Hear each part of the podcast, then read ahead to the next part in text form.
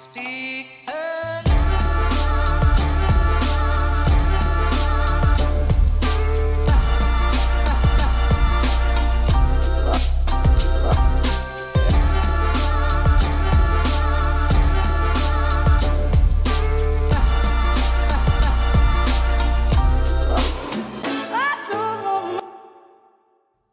Og der var vi i gang. Velkommen hit til Klagemuren. Mitt navn er Kevin Kildahl. Det er 18. mai. Jeg måtte, jeg måtte se. Ja, ja. Kan ikke stole så mye på min eh, kognitive evne at jeg kunne resonnere meg fram til at det var 17. mai i går. Og da kommer som regel 18. mai øh, etter. Med mindre Russland selvfølgelig blir lei. Eller, eller de trenger ikke å være lei engang. Hvis Russland kjeder seg, så, så finnes ikke vi mer.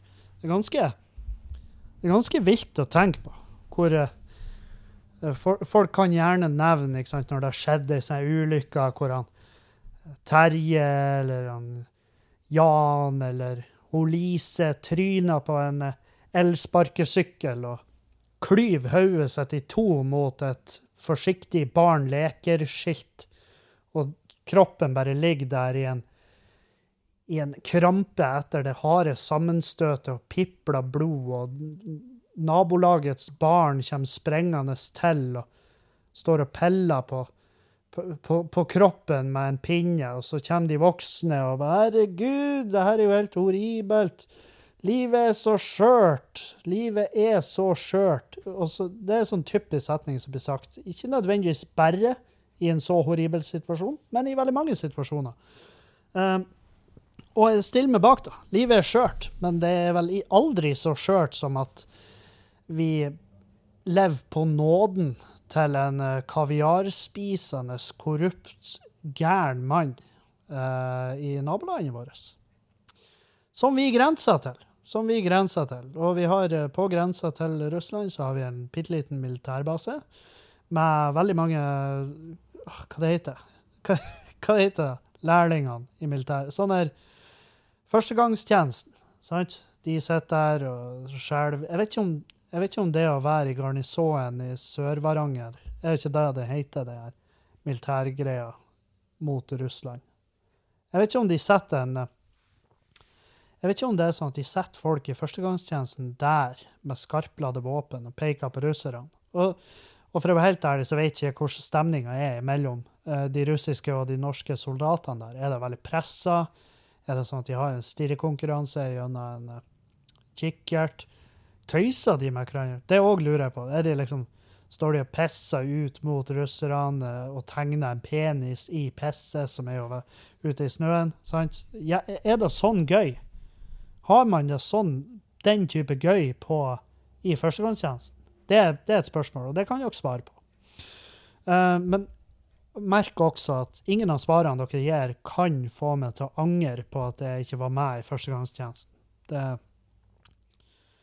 det vil jeg nok aldri gjøre. Jeg vil nok aldri gjøre det. Um, ja, det har jo vært ei eh, mildt sagt innholdsrik uke. Det Helvete, man treffer altså bakken i full fart plutselig her. Uh, men det er jo fordi at når vi får lov å arrangere noe, så uh, er det ikke sånn at vi ikke arrangerer. Skjønner? Da, det er da vi tar av. Vi tar fullstendig av. Da arrangerer vi hytte hytt og gevær. Og det er fordi at vi trenger å gjøre noe. Vi trenger å komme oss på scenen, få børsta støvet av det her uh, raklete formen som, som en standup-komiker. Vi trenger å tjene penger, ikke minst. Vi, ja, det er mye vi trenger. Penger mest av alt. Penger aller mest av alt. Helvete. Jeg fikk Jeg, søkte den kommunale eh, De var litt sånn Ja, de la ut en sånn søknadsportal for eh, lokale bedrifter som falt igjennom eh, på de tidligere Altså sånn der De tidligere koronamidlene. Og så tenkte jeg Herregud, det er jo med. Det er jo med.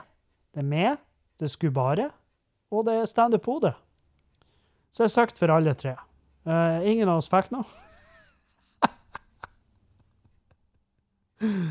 og, det, eh, og mest av alt eh, så var det vel sikkert en grunn til det. Men det var veldig surt å få det nei. Og så blir man gjerne litt bitter når man ser på lista over alle de som fikk penger. Fikk uhorvelige mengder. Altså penger som er Hvis jeg hadde fått den type penger, så hadde jeg ikke, ikke visst hva jeg skulle gjøre med dem. Jeg har ikke hatt peiling. Om jeg hadde fått den type penger som de andre har fått, så hadde jeg, jeg hadde slettet meg å faktisk greie å plassere nok midler. Hvem vet? Kanskje jeg hadde gitt tilbake noe penger.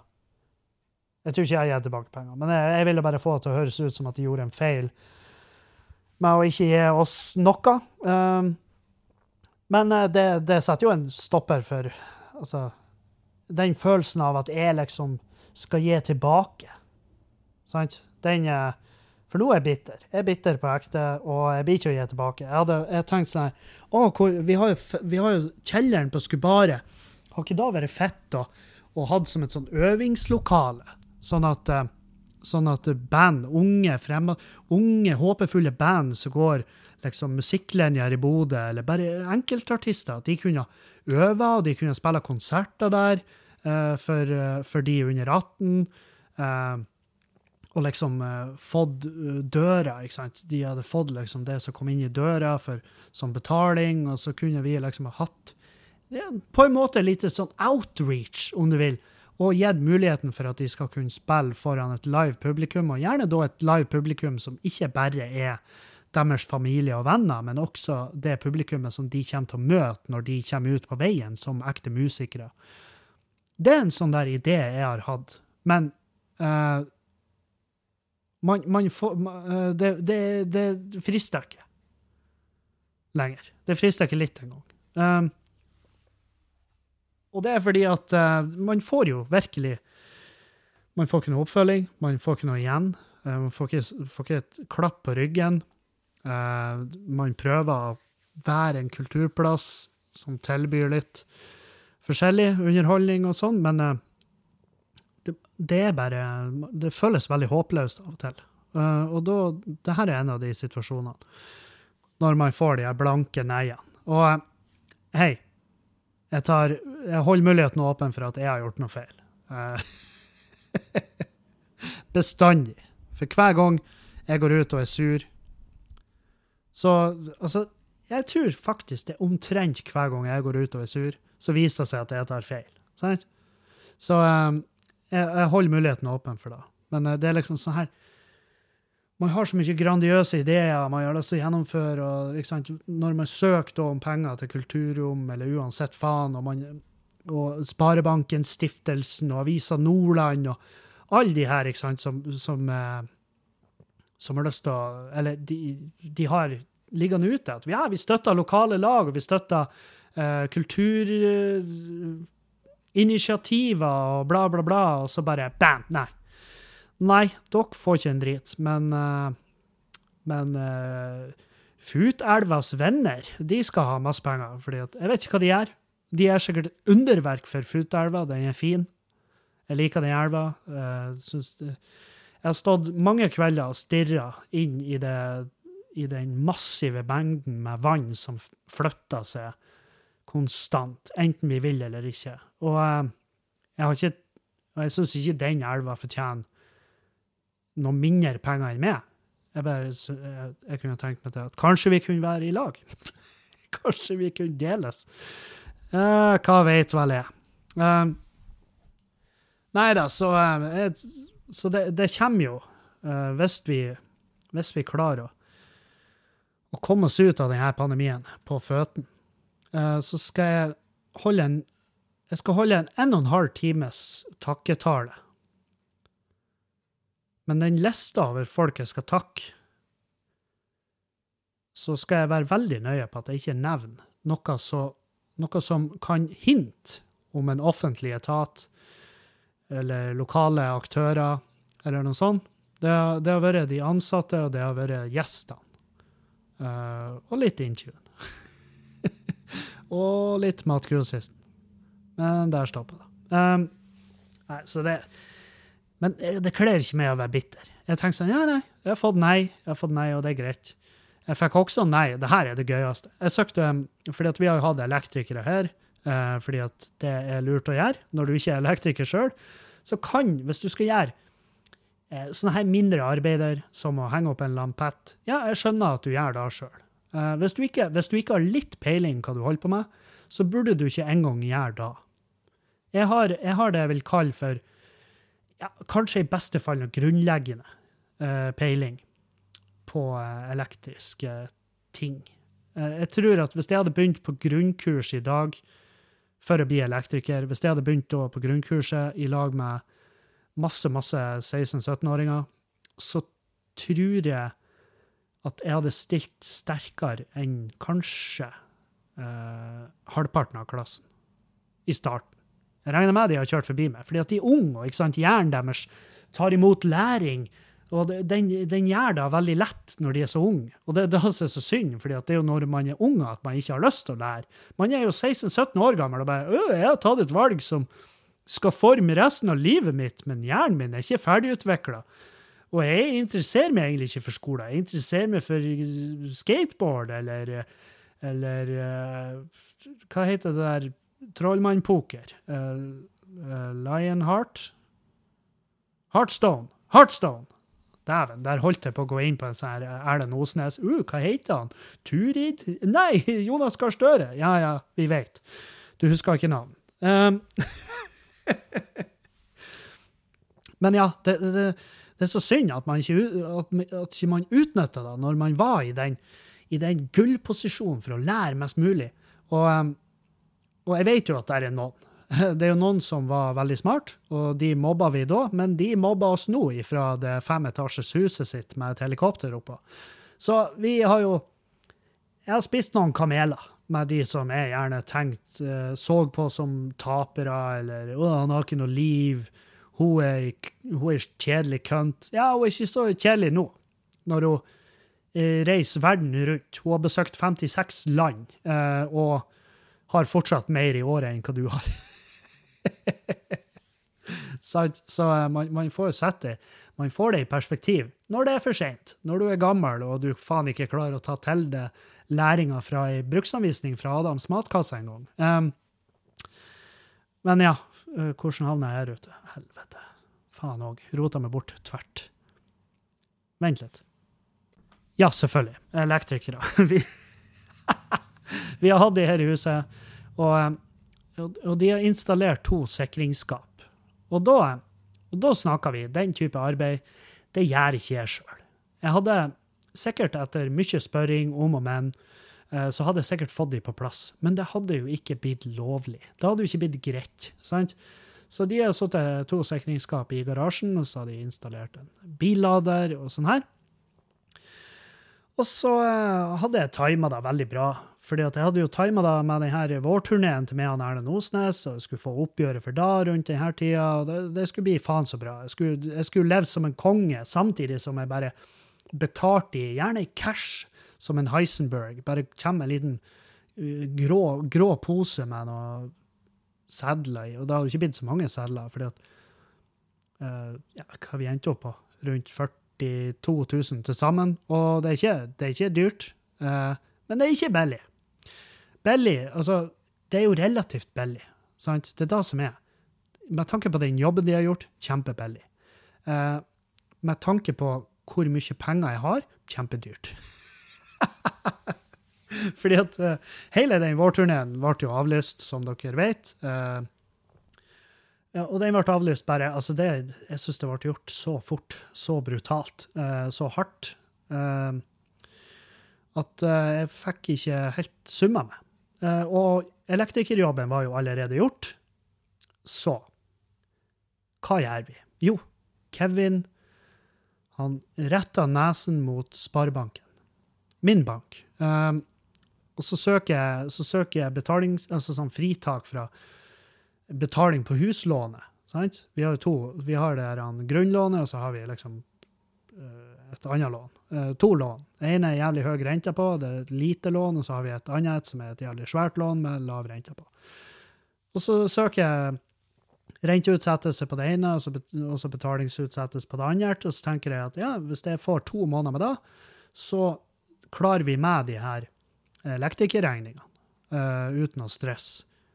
Uh, og så, ja, så jeg tenkte For jeg leste jo at ja, bankene de skulle selvfølgelig spille på lag med alle pga. korona og alt det her, og ha forståelse for det. Så fikk jeg svar at uh, Å, herlig. Um, jeg elsker før jeg, før jeg fortsetter det her, er ikke, det er ikke meg som roaster Sparebanken. Og jeg elsker min bankmann. Eh, altså, om han hadde ringt med klokka to på natta en lørdag og bare 'Kevin, jeg, jeg vet da faen hva jeg skal gjøre. Jeg fucka opp.' Bare, du, ikke tenk på det. Kom hit. Kom hit. Legg deg på sofaen, søv deg av det, så kan vi prate i morgen over en varm kaffe, og så skal jeg fikse det her for deg. Sant? Såpass glad er jeg i han fyren. Jeg hadde ikke tenkt meg om. Um, og jeg er glad i banken òg. De ga oss huslån uh, når DNB var sånn her Hut dere ut av bygget vårt før vi skyter dere i trynet. sant? Så det er litt forskjell. Uh, så jeg er veldig glad i banken. Men jeg, jeg likte svaret jeg fikk, for det var sånn Ja, altså, i fjor da ga vi jo alle utsettelser fordi at det var forventa. Men nå er liksom For oss så er koronatida over.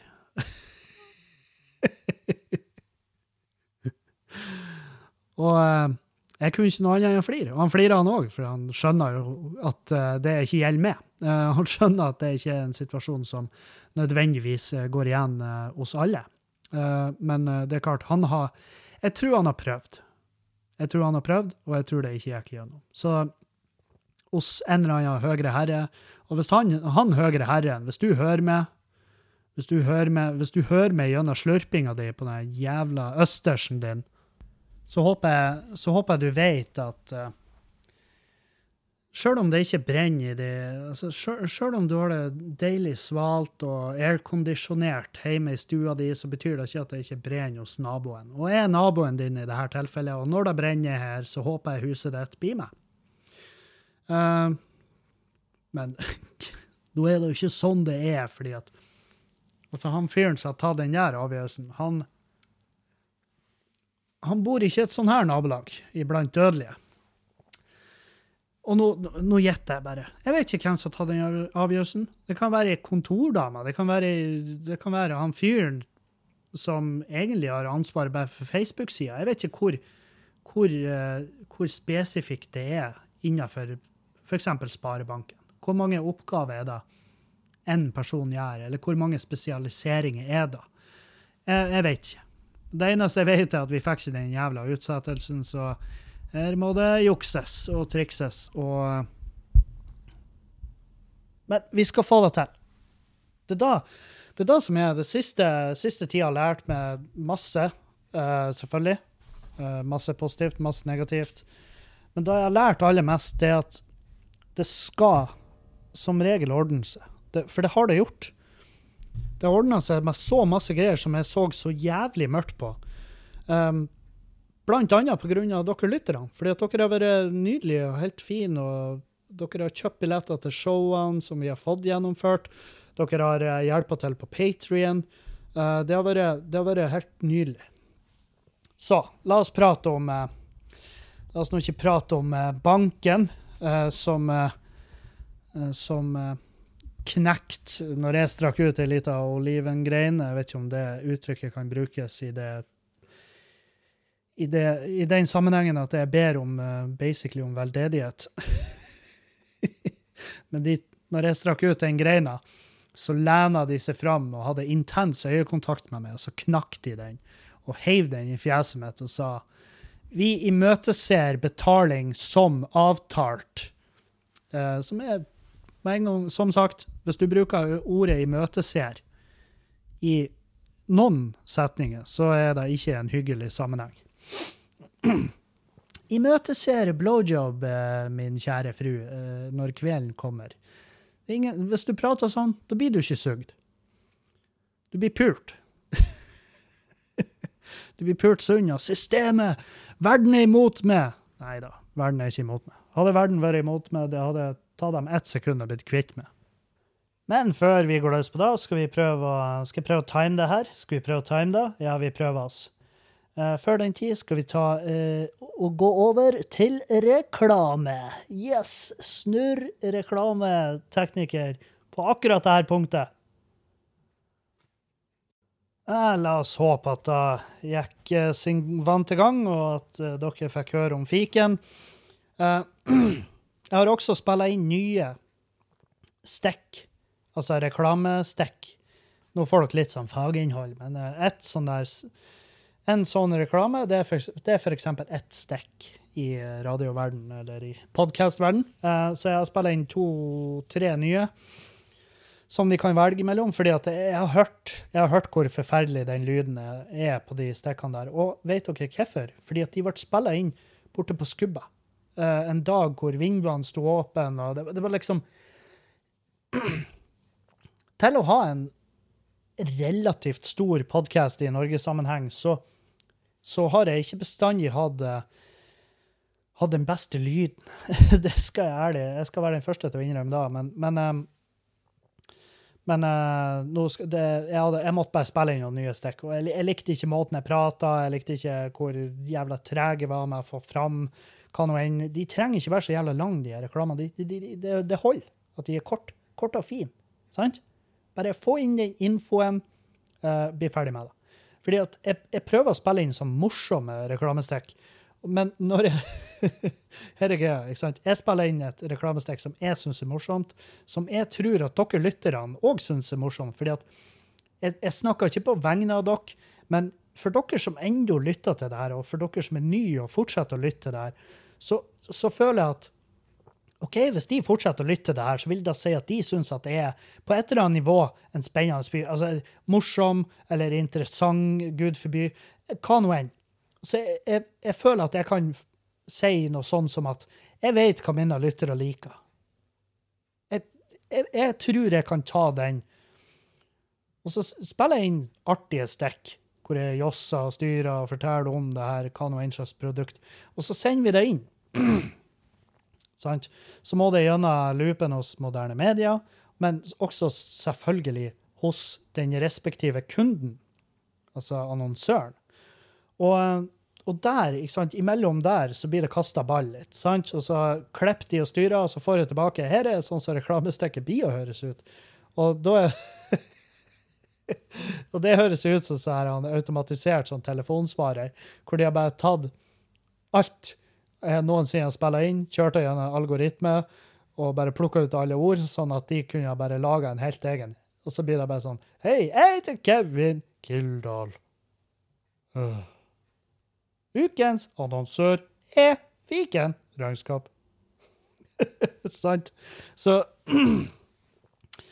Så ja. Men uh, det, det, gidder ikke å krangle på. Uh, for eh, vi annonserer jo Altså, jeg, jeg gjør reklame fordi at jeg trenger penger, ikke fordi at jeg elsker å gjøre reklame. Og det vet dere. Fordi at jeg tror i sesong én så sa jeg vel at jeg, jeg dør heller. Jeg går heller og legger meg på riksveien og blir påkjørt av en buss dyr av en gammel, full pedofil mann som ikke skulle hatt bussertifikatet før jeg laga noe jævla reklame. Det her skal bli reklamefritt helt til jeg dør, jeg lover dere. Men altså, det dere må vite, er at mine prinsipper de er altså ikke De er ikke urokkelige. De, de, de, det har vist seg i senere tid, og etter hvert som jeg har vokst opp og innsett viktigheten av å ha I hvert fall nå.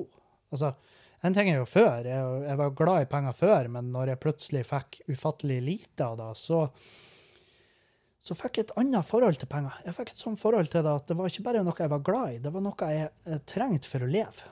Sant? Og da, eh, da gjør man forferdelige ting. Og gud bedre, det er masse jeg har vurdert. Helvete. Masse jeg har vurdert å gjøre for penger. Og jeg har tenkt at ikke bare blir det gode penger, men også blir det historier etterpå som folk blir å dra en eller annen form for glede ut av. Eh, Så, så det er jo også en, en sånn litt skummel, skummel eh, så det er, sånn, det er sånn du går i felle. Sant? Det, det er vel aldri så mange feil som er blitt begått eh, som når de blir begått i desperasjon. Eh, men ja, la oss prate om eh, La oss prate om forrige uke. Herregud. Forrige uke. Um, vi Onsdag tar løs som faen. Uh, Fær oppover til uh, Tromsø for å gjøre humorrazzia der. Og tromsøværingene de er altså så jævlig flinke å gå ut. De er så flinke å kjøpe billetter. De elsker standup. Det er altså en det er en helt annen kultur, faktisk. Jeg vil gå så langt som å si at det er en helt annen kultur der. Og jeg og Erlend har diskutert det litt tidligere, eh, og det er vel gjerne Vi landa jo på det samme poenget, at revy og humor har bestandig stått eh, bra i Tromsø. Og ja, jeg vet at standup-komikere, vi vil veldig sjelden eh, settes i bås i lag med revy. Men revy er humor på scene. I den, i den forstand så kan vi vel settes i samme bås. Men der stopper det. Jeg vet jo at f.eks. sånn som Henning Bang, som har sin bakgrunn fra revy, og det er flere komikere i Norge som har da, Jeg tror, eh, eh, jeg tror kanskje Marlene Stavrum har litt bakgrunn fra teater og revy. Jeg tror eh Trine Lise Olsen har jo bakgrunn fra det. Uh, Roe Brekke, litt forskjellig. sant? Så det, det, er mange komikere som er, som er kommet ut av revyens hule. Og, og det skjønner jeg. Fordi at revyartister eh, med mindre du er Honningsvåg-revyen. Jeg tror kanskje det er den eneste. Og, og Kveli eh, og Rånes i Trøndelag. Jeg kan litt for mye om revy, hører jeg nå. Men i hvert fall, det er de som har på en måte levd av det. Skjønner? Men ellers er det jo en, altså Halsa-revyen, der jeg kommer fra, de er jo fuckings de er jo 40 stykk. Altså, om de hadde solgt ut fem revyer på Halsa samfunnshus, så hadde de kanskje hatt nok til å kjøre én tur med en chartra buss fra Halsa til Bodø for å gjøre den samme revyen der. Sant? Så det, fordi at det er så jævlig masse folk. Eh, og penger, det, sånn som jeg har forstått det, var jo et helvete i Honningsvåg-revyen. Det, det, er derfor de er brøtte opp og skiltes i alle himmelretninger, og det er krangel om hvem skal bruke navnet, og bla, bla, bla. Sant? Så da, da, er det, da, er det, lett å forstå at revyartister som er dyktige, etter hvert kanskje søker litt til den soloscenen og standup-sjangeren. Uh, fordi at Og hvorfor da, Kevin? Jo, fordi jeg tror det er litt vanskeligere å skal gjøre en, en enmannsrevy. jeg tror det er litt verre. For du har jo kostymebytter og alt det her. Uh, det er løspupper som skal på, det er noe gebiss. Uh, det, er noen tøysete briller og en parykk. Og det, du må bytte, ellers så kjøper ikke folk figuren din. Så jeg tror det er lettere å bare gå på og gjøre standup-fære av. Og da, er det, og da, legger du også litt mer lit til tekstene dine, ikke til den tøysete stemmen eller hvor flink du er etter den Molde-dialekten, eller hva nå enn i faen som er konseptet ditt den dagen. Uh, Klypa, for faen. Klypa er ikke han definisjon på revy. Jeg må ikke glemme han. Kristian Valen òg. Det er revy i mine øyne. Men ja, nok om da. Uh, så vi drar oppover på onsdag til uh, Tromsø. To, basically to, to utsolgte show. Uh, og det var humorrazzia, vi skulle teste masse nye greier, og det gjorde vi. Jeg hadde med han Dan oppover fra Bodø. Uh, og faen, miste snusboksen. Hvis dere hadde sett hva jeg prøvde å gjøre der For jeg sitter i stua mi, og så har jeg stuebordet rett foran meg. Og så ligger snusboksen på bordet, og så tenker jeg hvordan kan jeg få den snusboksen opp hit uten å flytte mikrofonen? Og så begynner jeg å gjøre noe sånn akrobatikk med føttene, hvor jeg løfter snusboks med føttene og prøver å trekke de til meg. Men jeg er jo ikke jeg er jo ikke Sasha Gray. Jeg får jo ikke de føttene her bak ørene mine, sånn at jeg kunne tatt imot den. Selvfølgelig gikk det til helvete. Og nå kaster jeg bort uh, ja, nesten et minutt på å forklare dere hvorfor. OK, vi er tilbake. Uh, til Kommer oppover til Tromsø. Sjekka inn på uh, Comfort Express, som er Altså, det er et supert hotell. Hvis uh, hvis hotellfrokosten ikke betyr noe for det. Sant? Um, noe den noe den egentlig gjør uh, til vanlig, fordi at jeg tilbringer veldig mange år uh, Jeg tilbringer veldig mange år. Ja, når det livet her er over, så har jeg tilbrakt sikkert noen år på hotell, men men jeg tilbringer veldig mange døgn på hotell i året. Det var det jeg skulle si. Og, og da er det veldig godt å ha et fint hotell. Det er godt å ha et fint rom å ligge på, et rent rom. Og, og det er det på Ekspress i Tromsø. Og det er jævlig hyggelige folk som jobber der. Jeg har null negativt å si om de. Og det er et billig hotell. Og det er derfor de ikke har frokost. Fordi at uten frokost så, kan de, så har de jo da i det vi kaller i businessverden. Det er jo ikke sånn som alle dere blir å forstå, men uh, det er et uttrykk vi har som heter å kutte kostnader. og det er jo det de gjør. sant? Og dermed så kan de ta litt mindre for rommene, og så blir folk uh, helt ute av seg og hvor billig det er, og så kommer de morgenen etterpå. Excuse me, where's the focused, uh, focused room? og de bare No, I'm sorry. Uh, uh, there's no frokost room here in this hotel, and I, I, I, speak Norwegian also, so you can speak Norwegian to me because I see here that your name is uh, Anders uh, Iversen. and you must be Norwegian or something. Uh, oh, ja, OK, beklager, hvor er frokostsalen? Nei, det er ikke det, fordi vi er billige. Å ja, OK, ja, det var jo, det var jo dumt. Sant? Jeg, jeg skjønner. Men du kan jo også gjøre research på hotellet før du bor der. Uh, som en veldig enkel greie, uh, for meg i hvert fall, så vet jeg at ekspresshotellene så er ikke, så er ikke frokostsalen du kommer for. Så når jeg, uh, når jeg reiser f.eks. flere dager, hvor jeg vet at det ikke nødvendigvis blir så hard festing, sånn at jeg vet at da kommer jeg meg opp tidlig om morgenen, da, da, da er frokosten jævlig viktig for meg. Sant? Mens nå når vi skal oppover til Tromsø, er han Dan Altså, vi er jo uh, key enablers av hverandre, så når vi reiser lag, så vet jeg at ja, frokost det er ikke der skoen trykker for min del. Og vi har en avtale med hotellet. Så vi sjekka inn på hotellet, kommer oss bortover på uh, Vi får ned på Skarven. og Skarven i Tromsø er jo ja, fett nok, da. Jeg ble jo lokka dit med at de har et psyko-bra utvalg av øl. Uh, og det har de, men de har jo et psyko-bra utvalg av makkøl og ikke noe annet. Og, og som en ølsnobb så har det skjedd eh, veldig mye hos Mack de siste årene. sant? Fordi at inntil veldig nylig så var Mack det var liksom Mack Pilsner. Det var den som gikk i strupen mot Nordlands, og jeg syns ikke den var noe bedre enn Nordlands. Jeg syns ikke Nordlands er god øl heller. Kall meg upatriotisk hvis du vil, men for meg så er ikke Nordlands en god øl. Jeg drikker aller, aller helst ikke den type øl. Sant? Det er en, det er en billig pisslager. Uh, syfulle hallertauhumler. Sant? Så det, det, er da det er. Det er ikke noe annet. Og um, men så, så, har det skjedd noe smakk. Eh, om de har fått noe eh, friske, nye sjeler inn på bryggesida, mest sannsynlig, eller at bryggesjefen har fått litt mer spillerom, eller at de har skjønt at OK, hvis vi skal Hvis vi skal på en måte være med på det her racet, så må vi begynne å brygge noe annet enn bare pilsner. Og det, det har tatt av. Det er jævlig masse godt øl der nå, det. Uh, men det var ikke helt da jeg var ute etter da. Uh, så jeg spiste noe bolinjos, som er kleppfiskboller som er frityrkokt.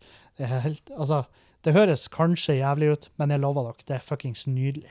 Dypper deg i noe aioli, og så trør du det rett inn i nebbet. Og da uh, hadde vi fått i oss en lunsj.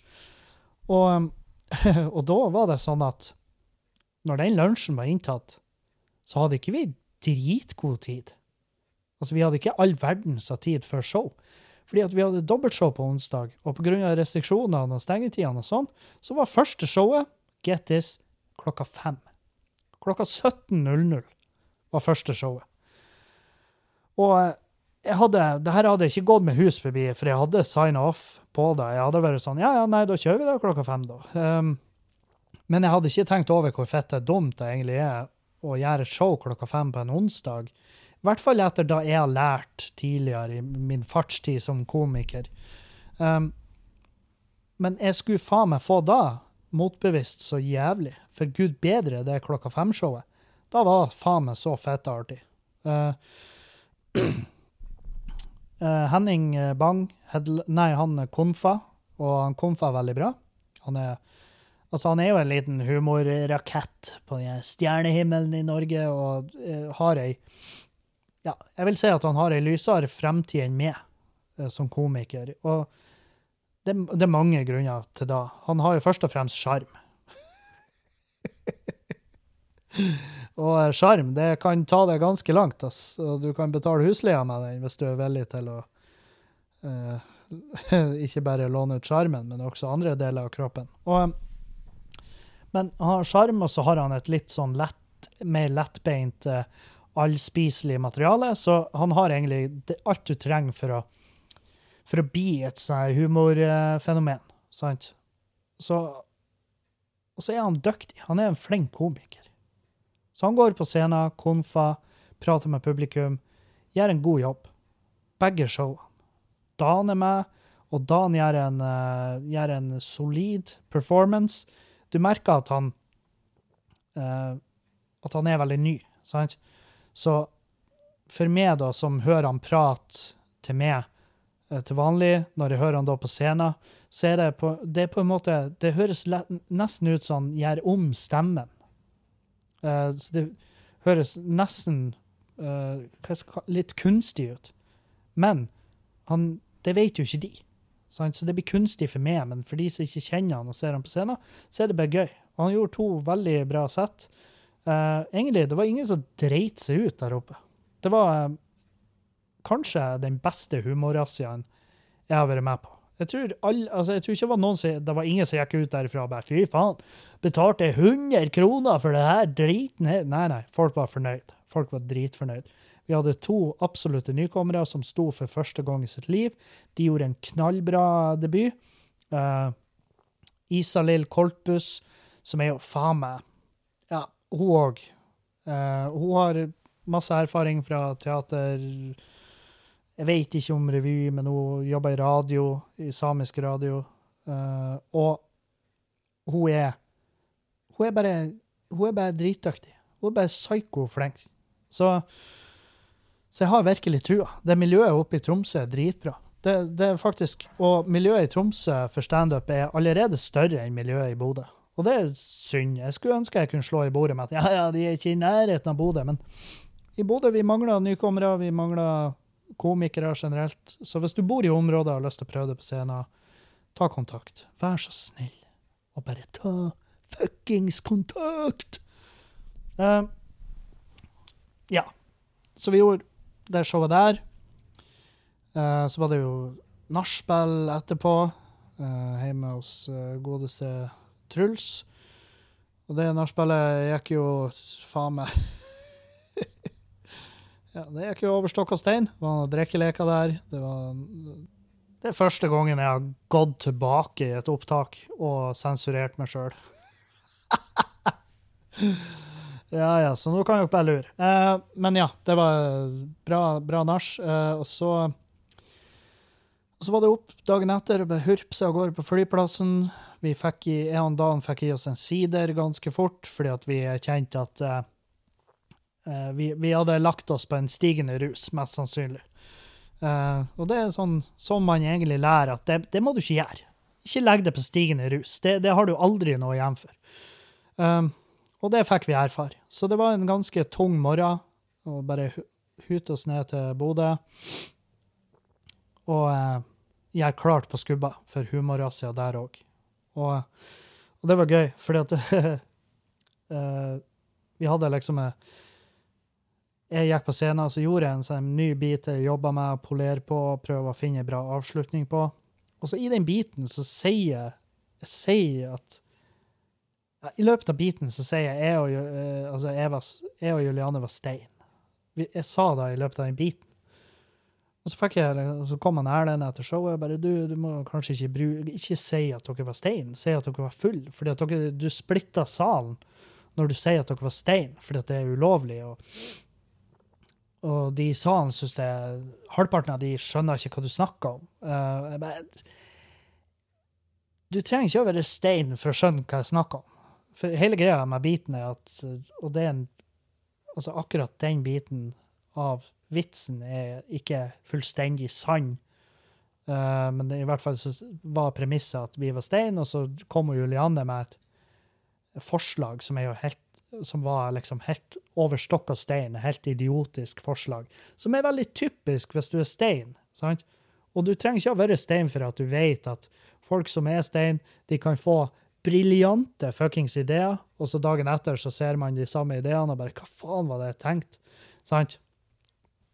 Eh, så det var liksom bare Og det var bare en liten tagg av en vits, så det hadde ikke Men ikke sant, så var det liksom Nei, tipsa det Mitt tips er å bare droppet det. Si heller at dere var dritings. Så var jeg sånn Nei, jeg er uenig. Og det- var ikke noe mer. Det var ikke noe krangel eller noe sånt. Ja, han er det. vi krangler aldri, men vi gir hverandre sånn her Vi gir hverandre ærlige meninger uh, på forskjellige biter. Eh, og eh, så, så er det opp til motparten hva de gjør med den, den meninga. Jeg har gitt han Erlend masse meninger som han har forkasta, og jeg har gitt han masse meninger som han har brukt, og vice versa. Er, og, og det er derfor vi er såpass bra kompanjonger. Det er derfor vi samarbeider så bra, fordi at vi vet på en måte hvor Altså, vi, vi har ofte øye for hva er det som kan gjøre den biten her bedre eller dårligere. Uh, og så har vi null problemer med å si det til hverandre. Og det liker jeg. Det er et jævlig bra samarbeid.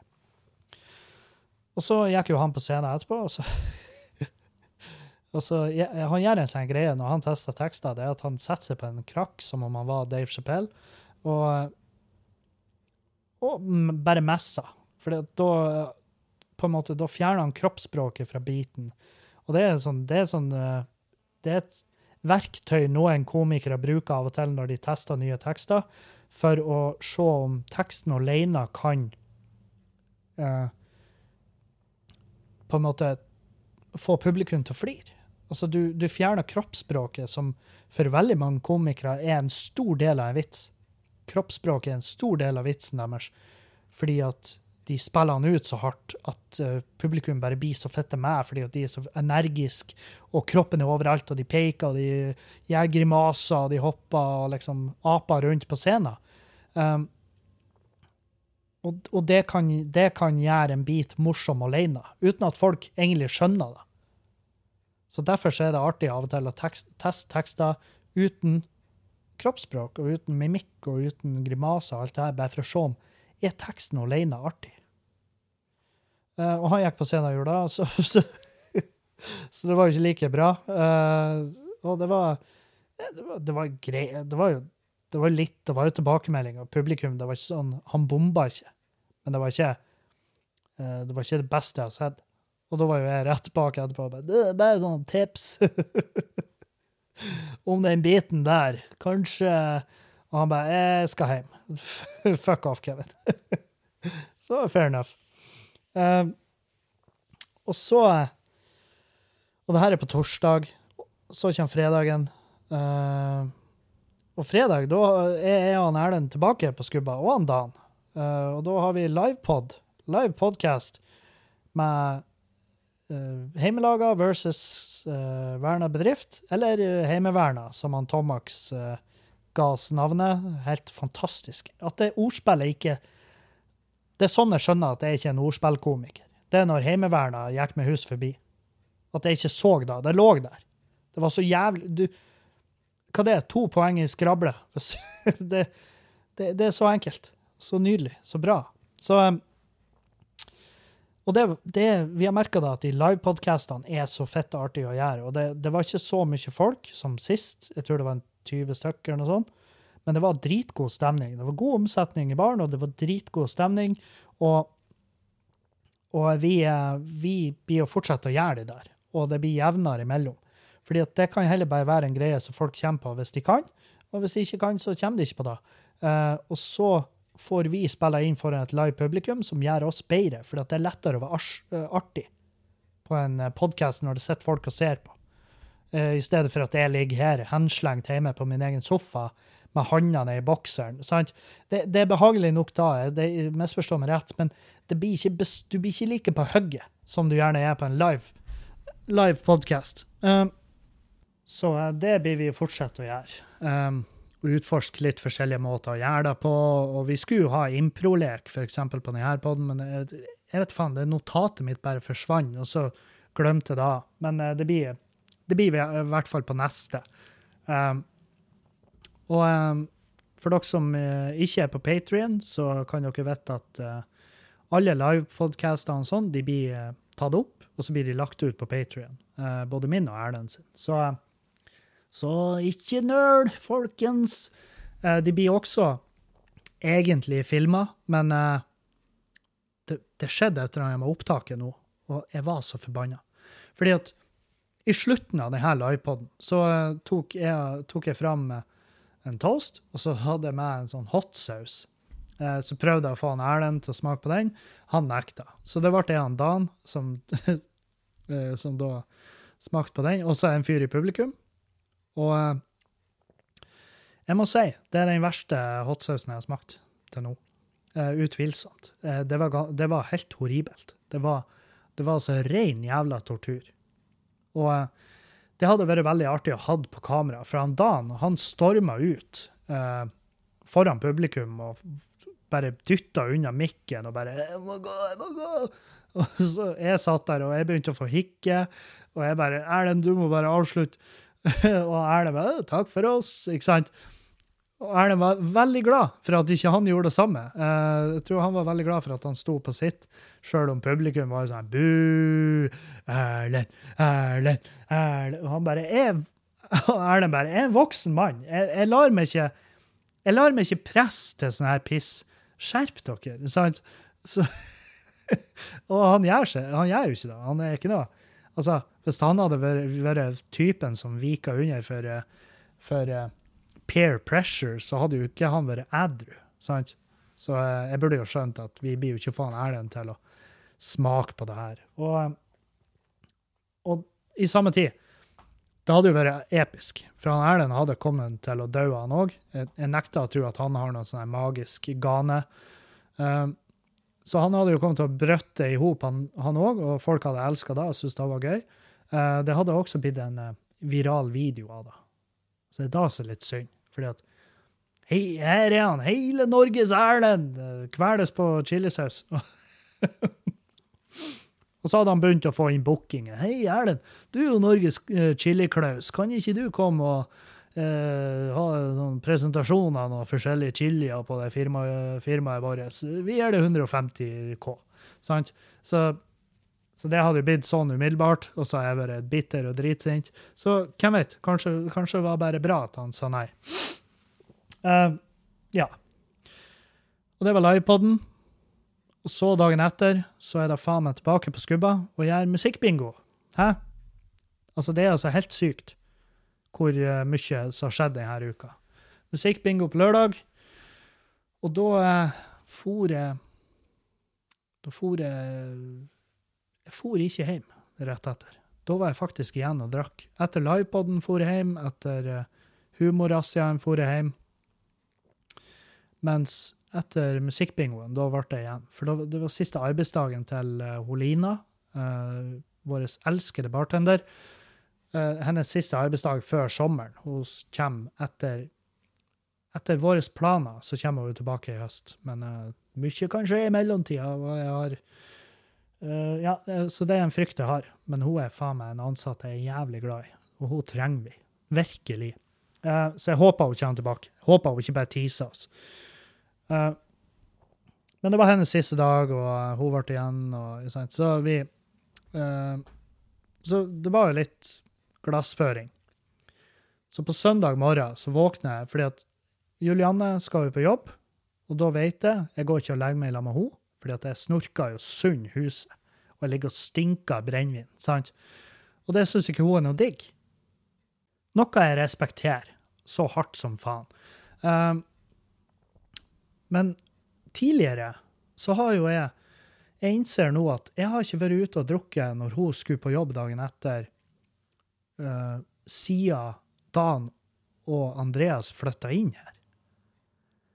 Det kan jo umulig ha gjort, fordi at når jeg kom hjem, da, så var jeg veldig, veldig rådvill. Eh, hvor skal jeg gjøre av meg?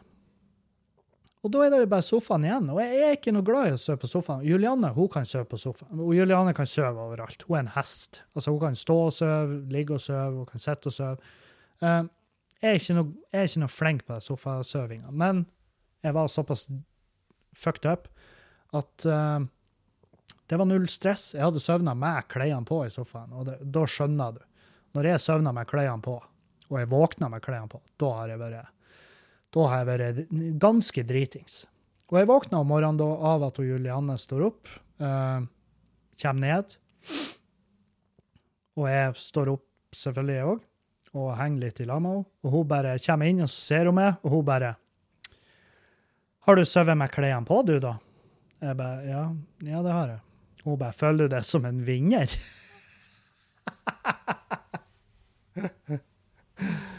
og uh, det ærlige svaret er jo nei. Nei, jeg gjør jo ikke det. Jeg føler ikke jeg har vunnet noe. og hun kunne si seg enig i det, at det var ikke mye winner-like å sove med klærne på, dritings på sin egen sofa. Um, men jeg tror hun skjønner at Eller hun vet jo at jeg gjør det av hensyn til henne. Og samtidig er det et hensyn når det er på en måte Altså, hvis jeg hadde gått opp og lagt meg i lag med henne, så hadde jo hun gått ned og lagt seg. Og da er det ikke Ja, det er vel et hensyn, da. For ja, det er et hensyn. Absolutt. Men poenget er at hvis jeg hadde gjort noe annet, hvis jeg hadde gått og lagt meg i lag med henne, så hadde hun blitt irritert. Sant? Så, så det, det, er jo bare Jeg gjør det jo fordi at jeg er redd for konsekvensene. Jeg vil jo ikke at hun skal være irritert på meg. Uh, men det har hun vært. Uh, ikke bare på meg, men hun har vært det sånn generelt livsmessig siste, siste uka, halvannen. Uh, har slettet meg å få i seg mat. Vært litt irritabel. Vært trist og lei seg. Og på søndagen Ja, ja, det blir på søndag. Søndag. Det var en beinhard dag. Fy faen. Og nå deler jeg det her med dere, fordi at jeg gjør det i podkasten. Men eh, søndagen var en sånn dag der jeg merka at det er noe, det noe galt. Og jeg spør, og hun bare 'Jeg vet ikke'. Jeg vet ikke hva det er. Uh, og jeg føler meg i veien. Og det er liksom det verste jeg vet. Altså, alle følelser Det er liksom sånn her når uh, noen er sur, og jeg ikke skjønner hva jeg har gjort. Men det er jo ikke, er jo ikke nødvendigvis noe jeg har gjort. Sant? Det er det som er. Hun kommer jo hjem fra jobb klokka fire på en søndag. Uh, hun innser at jeg har ligget på sofaen stort sett hele dagen. Jeg har, ikke, jeg har, gjort litt, men jeg har ikke gjort noe nevneverdig hjemme. Jeg har bare ligget over et dass og sett på Jupiters Legacy, som jeg kan anbefale, forresten. Um, og uh, hun har vært og slettet kuken hans på jobb. Hun jobber beinhardt, sliten som faen. Søndager er jo uh, Hun jobber jo i en søndagsåpen butikk, så det er klart det er mye folk. Uh, hun kommer hjem sliten, og så spør jeg henne Og jeg skjønner at måten jeg spør på, kan ha fått det til å høres ut som at jeg forventer at hun skal lage middag, men jeg spurte bare sånn Har du tenkt noe på middag? Og da, det jeg mente, det var jo Hva du vil ha å spise, så skal jeg fikse det. Men jeg skulle heller ha sagt det. Uh, fordi at jeg fikk det til å høres ut som at jeg har ligget på sofaen hele dagen og venta på at hun skulle komme hjem, sånn at hun kunne lage middag til meg. Og uh, da hadde jeg òg blitt irritert. Så Men da uh, Det var altså så Den stemninga var så kjip her i huset at jeg fikk panikk. Jeg måtte forlate. Jeg for. Eh, to ganger, faktisk. Første gangen da for jeg Da måtte jeg bare ut, eh, få litt luft. Så jeg for bort på skubba. Eh, for bort på skubba rydda litt, og så gjorde litt sånn eh, Bare en sånn kjapt arbeid. Og så tenkte jeg OK, hun, hun må jo spise. Hun blir ikke å spise uten at jeg fikser noe. Så jeg kjørte utover på Annas gatekjøkken, så sendte hun melding bare, du, jeg blir og kjøper burger, vil du ha? Hun bare ja, jeg vil ha burger. Så kommer jeg hjem med maten, og så er stemninga likens. Hun får ikke i seg noe mat, så hun bare åpner på det lokket, og så bare lukker hun det, og så får hun frysninger. Så går hun bare opp på rommet. Og da, og da fuckings, da frika jeg ut.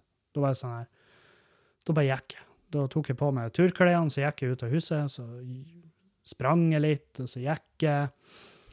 Og eh, bare gikk. Jeg hadde ikke noe mål. Eh, jeg vet ikke hvor mange timer jeg var ute og gikk, men, men eh, det her er veldig artig. Når jeg er i bevegelse, jogger eller går tur, så er det av og til så skjer det at jeg bare kjenner Oi, nå, Nå sier magen ifra at nå er det noe arbeid som skal skje her. Sant? Og det skjer, når det skjer, så skjer det som vanligvis veldig tidlig i økta. Heldigvis, for da kan jeg stikke hjem. Bare snu. sant? Så bare, ah, faen, ja, Det var den oppvarminga. Snur og hjem og på dass, og så ut igjen. Um, men ikke i dette tilfellet, sant? for jeg hadde jo jeg hadde jo hatt en sånn grand exit, sant? hvor jeg bare storma ut av huset, liksom slemra igjen ytterdøra bak meg litt ekstra hardt, for å bare på en måte sende en beskjed til resten av huset at Kevin er ikke fornøyd med tingenes tilstand. Sant? Og da er det jævlig dumt hvis jeg kommer inn døra igjen etter et kvarter 20 minutter og bare 'Jeg måtte så jævlig på do'. så jeg tenker OK, jeg er ute på Fenes, sant? Og uh, det, er, det er en sånn fire kilometer unna hjemme. Uh, og så er det en sånn, ja, hva jeg skal si, tre kilometer unna Skubba. Så jeg tenker OK, jeg drar på skubba. Så jeg setter snuten mot skubba og begynner å gå, gå, gå, gå, gå. gå. Og så eh, kommer jeg kanskje ja, to kilometer igjen, så skjønner jeg at OK, jeg blir faen ikke å Jeg blir ikke å rekke til skubba heller. Hva faen skal jeg gjøre? Og, og fremdeles altså jeg, Og da er det sånn, hvis det ikke er rekker til skubba, så rekker jeg i hvert fall ikke hjem. Jeg begynner å få panikk Jeg, det jeg Må jeg sette meg på huk i ei grøft liksom, og tørke meg med noe, med noe brennesle? Hva, hva, hva, er det som blir å skje her? Uh, og så ser jeg liksom, og så tar jeg opp mobilen og jeg tenker jeg ringer taxi. Så, så, angst hadde jeg. Men så så jeg den kortfolderen på mobilen. Der har jeg jo kortet til Fil24, som er treningssenteret. Så jeg turer bortover på Fil24, skanner meg inn der for første gang på ja, gud vet hvor lenge. Det funka ennå. Yes, det betyr at autotrekket ennå står og går. Det er greit. De fortjener de pengene. Jeg liker han Nelson som driver det. Um, så jeg går bare inn på, nei, på treningssenteret, og nå er klokka hun er halv elleve om kvelden. Så det er liksom tre sånne snørrunger og pumper jern som faen. altså tre sånne veltrente, veldig unge gutter som som, det er sånne folk som stønner når de løfter, så slipper de vektene. For 'Å, jeg løfter så tungt at hvis jeg ikke slipper vekta, så river jeg av med muskelfester og leddbånd og alt som er Ja, eller at du syns det er jævlig fett, for du har sett videoer av Ronny Coleman når han uh, ligger, ligger, og hantelpresser med 98 kilo på hver arm. Jeg skjønner. Men uh, til og med han bremser vekten på tur ned.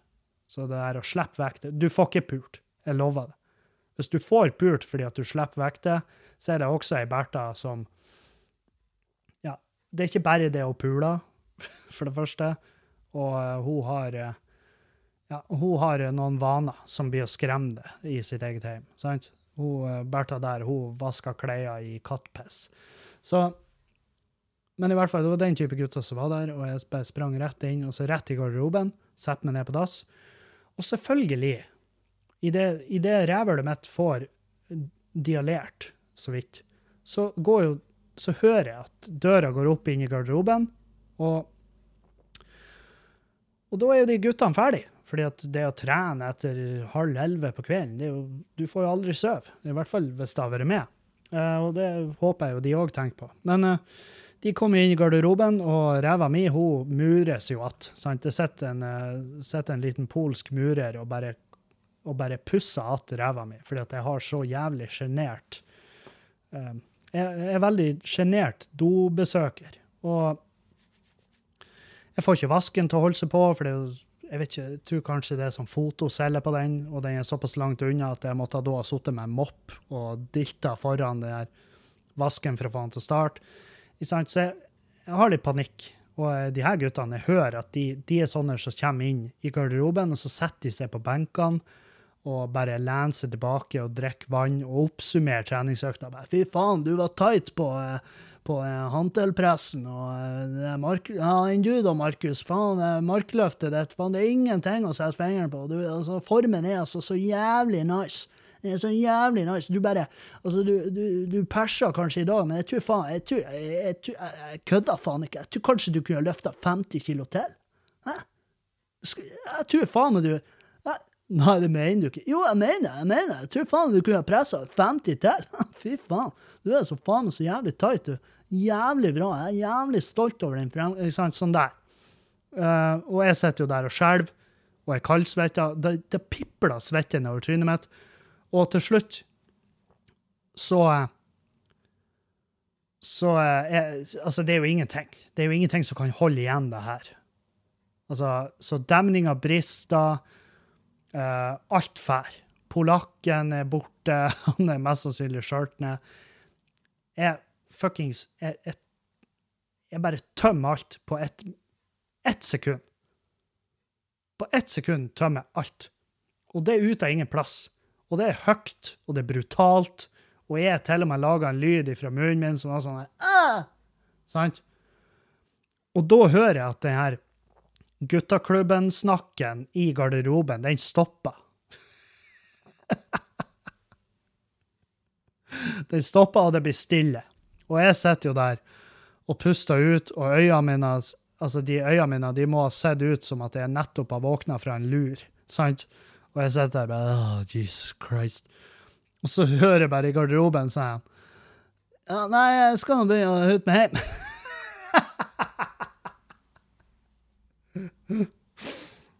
Og eh, Ja, så, så når jeg kommer ut i garderoben, så er det ingen der. Takk Gud.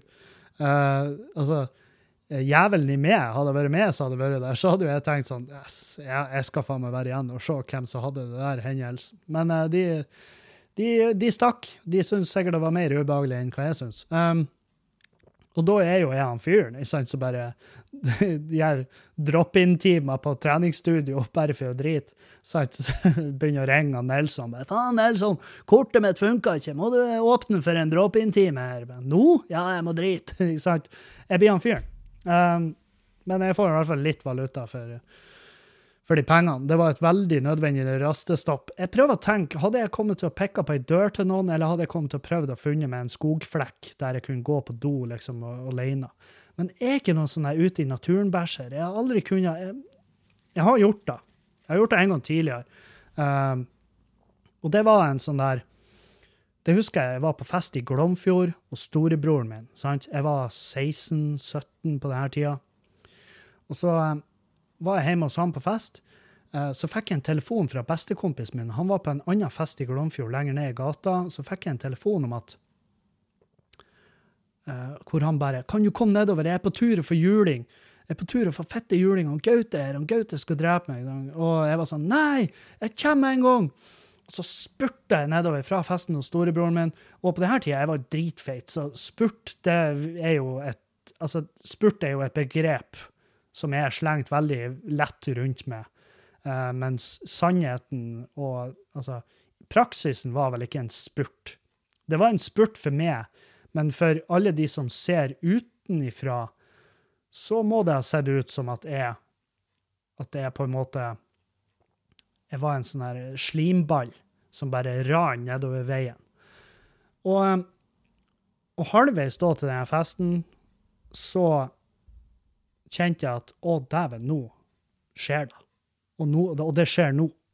Det, det skjer innenfor de neste ti sekunder. Så nå må du være lynkjapp, Kevin. Og jeg hoppa ut av veien, og heldigvis var det liksom var det en sånn buskekratt, så jeg satt meg bak da og gjorde mitt fornødne. Og, og det her er ikke kødd. Jeg vet at det høres helt sinnssykt ut, men jeg sitter der. Og det går veldig fort, og jeg finner noen blad, og jeg tar på de, og jeg bare Det her er ikke brennesle, takk Gud. Jeg trodde det var brennesle jeg satt i. Og det hadde vært min flaks. Men, eh, og jeg skulle gjerne ha fortalt historien på den måten at det var brennesle, men det var ikke det. Jeg tok noen blad og satt og tørka meg og følte meg som en Altså, jeg følte meg som et horribelt, jævla elendig menneske. Uh, og så hører jeg bare masse snakking. Masse snakking. Og da kommer det et ungdomsgjeng gående oppover veien. Rett forbi meg. Blant de så er han bestekompisen min. Og så er det også to jenter der, og ene jenta der er hun jenta jeg har et massivt jævla crush for. Og de kommer gående der. Og så stopper de rett attmed det buskekrattet. og står der og prater. For da skal hun ene uh, jenta hun skal gå hjem, så de bare står og liksom avslutter kvelden. Og så, mens de står på sida der, så hører jeg han, han kompisen min han, han bare sånn Fy faen, det lukter drit her. og jeg sitter jo bak. Og hadde det vært, hadde vært nå, hadde det vært alderen jeg er nå, så hadde jeg sprutt opp som troll i eske og bare Det er meg, der tok jeg dere! Sant? Men da, det hadde vært fuckings, det hadde vært ødeleggende for mitt sosiale hvis jeg hadde gjort det. Så jeg satt der og bare tenkte hvis, hvis de ser meg nå, så henger jeg med. Altså, da forlater jeg verden. Um, men uh, det, det, det, var ikke sånn det gikk. Uh, og, men jeg fikk jo litt sånn angst òg, fordi at de var jo på tur oppover til den festen der jeg var. Så når jeg kom oppover dit, etter de, så var jo kompisen min selvfølgelig sånn her Du, hvor i faen har du vært? Og, bare, og da var jeg sånn Nei, jeg for nedover på den festen du var på, og, uh, for å redde livet ditt, men uh, du var foren, sa de. Og uh, jeg kjørte den forklaringa, og han kjøpte den, heldigvis.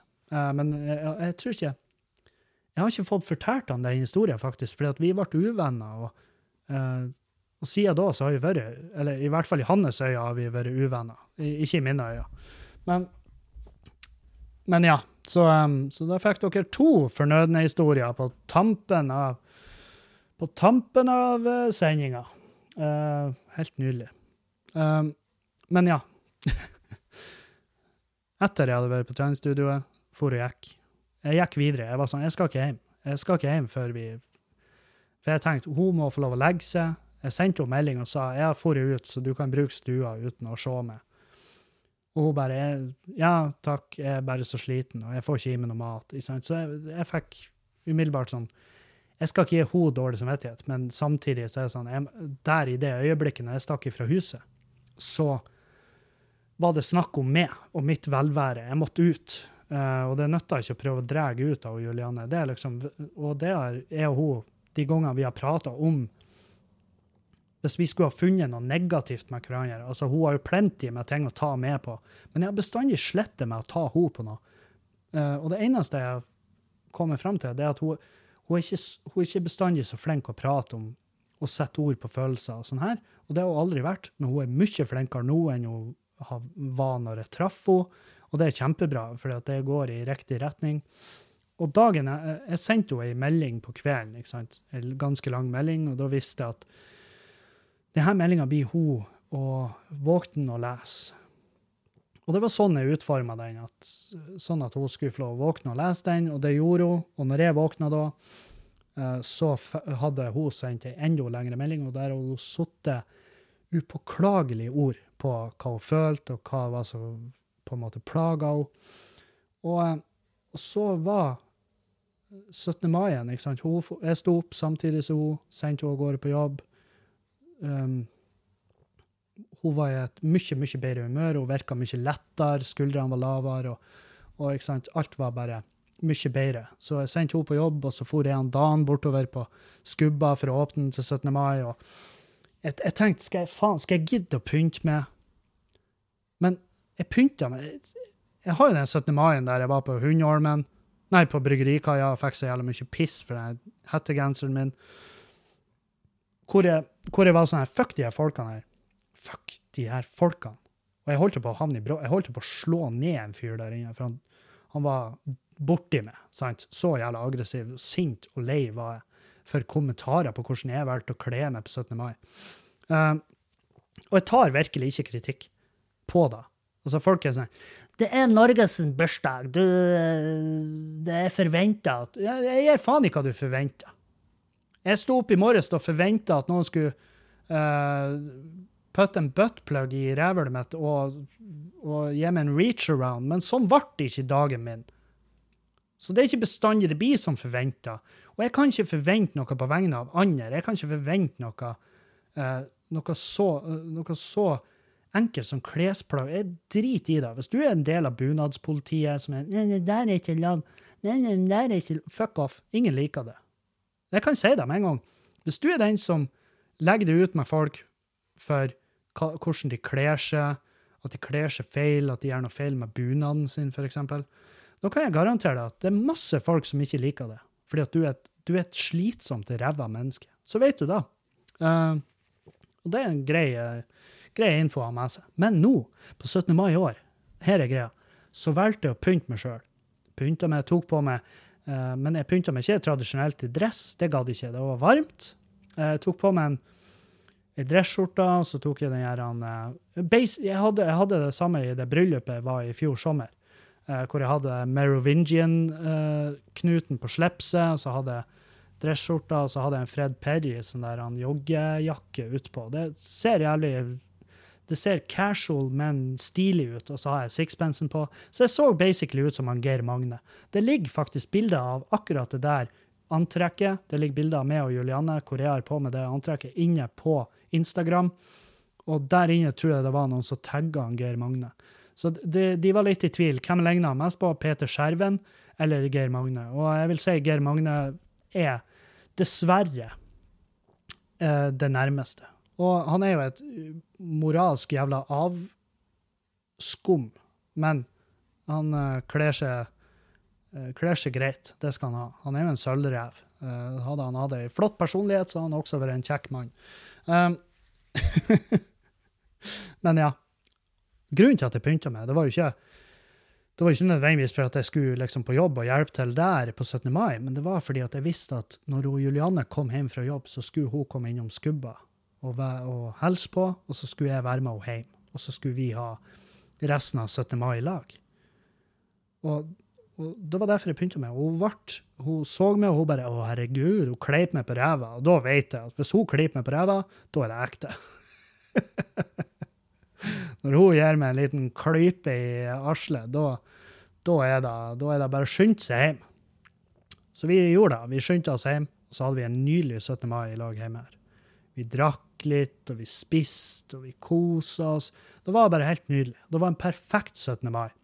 Og når jeg ser så mange andre som har lagt ut sine 17. mai-snaps og Instagrammer, og det er 400 unger som springer rundt med is trødd ned i halsen og krasjer i ting og hyler og skriker, så var jeg sånn Jeg kunne ikke ha bedt om en bedre 17. mai enn å være hjemme og bare kule egg sammen med fruen, og at vi har dritgod stemning igjen. Og i går var helt nydelig. I dag har vært helt nydelig. Så jeg, sånn, jeg sa til henne i dag Når vi har hatt de her små Og det er ikke krangler engang. Det er bare, det er bare korte perioder hvor begge er nedstemt samtidig. Sant? Og det, det, er helt forferdelig når det foregår, men vi vet jo at det ordner seg. Og når vi kommer ut av de her periodene Hver gang det føles som om at vi har møtt hverandre nettopp. Altså at vi er nyforelska. Og jeg sa til henne i dag jeg, føler meg nyforelska igjen. Og um, Nei, nå skal ikke jeg sitte og klisj. Klisj og klasj om det. Forholdet mitt er så bra. Ja, det, det da. Det er fette bra. Og um, Å, vet dere hva? Jeg vil bare presentere det her. Um, på tampen av Dette er en idé jeg har hatt en sen kveld.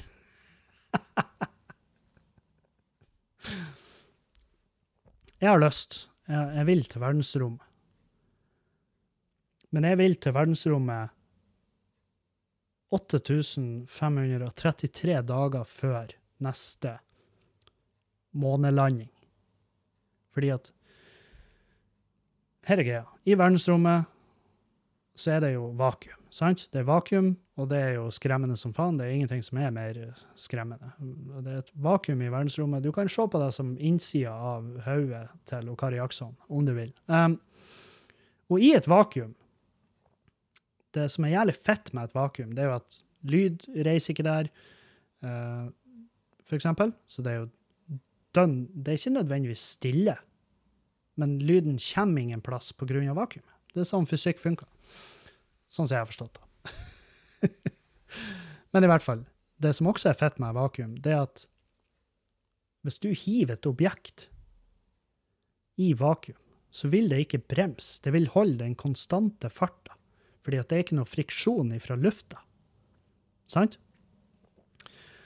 Eh, så hvis du da hiver så hardt som du klarer i rommet en ball, så vil den fortsette til at den enten møter et annet objekt, og den vil fortsette i samme farta, med mindre den kommer forbi et større legeme som f.eks. en måne eller en sol, eller noe som har masse og dermed tyngdekraft, for da vil den akselerere i retning den, for å havne i dens bane.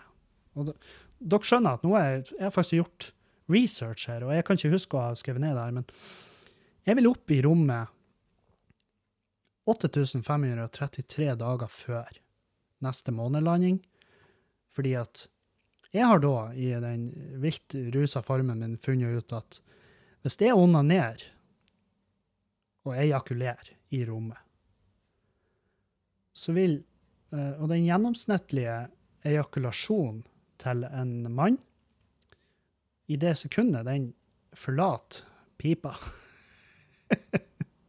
så holder den en fart på 45 km i timen. Det er ganske fort. Uh, 45 km i timen, det er ganske raskt. Det er som de beste elscooterne, eller Ja, ikke sant? Det er ganske fort. Du vil, du vil, hvis du kan sprenge i 45 km i timen, så er du lynrask. Uh, så hvis det da er ejakulert i rommet, perfekt i retning, så vil da sæden min ha reist 12,5 meter i sekundet. Og det vil si at etter 8533 dager så hadde den nådd månen. Uh, og da har jeg ikke tatt uh, vi må, Jeg må jo selvfølgelig ha en fysiker inn. Jeg kan jeg jeg må ringe Selda i for å regne inn, for vi må jo ta vi må jo også ta høyde for at den, den vil jo altså den vil jo øke farta når den nærmer seg månen igjen. Men det har vært jævlig artig å få time det og sikta perfekt, sånn at når neste astronaut går ut av det landingsfartøyet og bare uh, One small step for Bare rett på den skjermen. Og bare Hva i hell... Hei, fy faen! Og det der, det er jo ikke bare å wipe off. Det Det har vært så uendelig fett. Det verste av alt, hadde jeg pitcha ideen for Elon Musk, så hadde, hvis, hvis, han hadde vært i samme form som meg, så hadde vi mest sannsynlig lagt altfor mye arbeid i å kalkulere hva som skulle ha gjort, vært til for å, for å pulle det off. Uh, men det er noe å tenke på. Det, det er virkelig Det er noe å tenke på, men du burde ikke bruke like lang tid på å tenke på det som jeg har gjort. Uh, for det for det, det, det finnes mest sannsynlig andre ting du kan bruke tida di litt bedre på enn å regne ut hvor lang tid det vil ta det fra, fra du kommer i uh, atmosfæren her og utover i retning månen. Uh, ja. Det var vel alt vi hadde. Å, oh, for ei underholdning det her podkasten er, altså. Uh, tusen hjertelig takk for følget. Um, jeg vil også nevne for dere at på Patrion så finner dere uh, alle ekstra podcaster jeg gjør. Dere finner konseptet til meg og Dan Robin, som heter Verna bedrift. Uh, og alle bonuspodcaster. Alt sånt her, det havner ut på Patrion. Uh, og så skulle jeg også nevne at hvis dere har lyst til å prøve det her Adams matkasse, yeah, så kan dere bruke min uh, vervekode, så får dere det litt rimeligere. Og så får jeg også en liten uh, rimeligere matkasse sjøl. Så blir alle glad. Og det anbefaler jeg virkelig. Hvis du, hvis du, har jævlig mye struktur hjemme på matlaginga og sånn, du er flink å prøve nye ting og osv., så, videre, og så, videre, så er det ikke sikkert du sparer på det her. Det er ikke sikkert. Og det er ikke sikkert du blir fornøyd hvis du er en jævlig dyktig kokk. Men for meg, som ikke er en spesielt flink kokk, og ikke spesielt strukturert, og vi hadde havna inne en i en sånn der spiral hvor vi spiste samme hele jævla tida. sant? Så vi ble fette matleie, og så endte det med at vi bestilte masse takeout, og så ble vi Eller og Julianne kan jo ikke bli feit, jeg vet ikke hvorfor, men jeg ble i hvert fall feitere. Så for oss så var det både penger spart og tid spart, frustrasjon spart, og vi øka vår mathorisont betraktelig. Så du kan bruke en eh, kampanjekoden min, som er Kevin 1032 37 2. Kevin 1032 37 2. Store bokstaver Kevin, og tallene rett etter. Uh, så får du uh, Så får du 50% rabatt på din første kasse, og så får jeg også 50% rabatt på min neste kasse. Så da, hvem vet? Da har du fått billig mat, og så har du gitt meg billig mat. Så se på meg som din eh, lokale digitale bymisjon. uh, men ja. Tusen takk for følget. Vi høres igjen i neste uke. Adjø og adjø og auf Wiedersehen.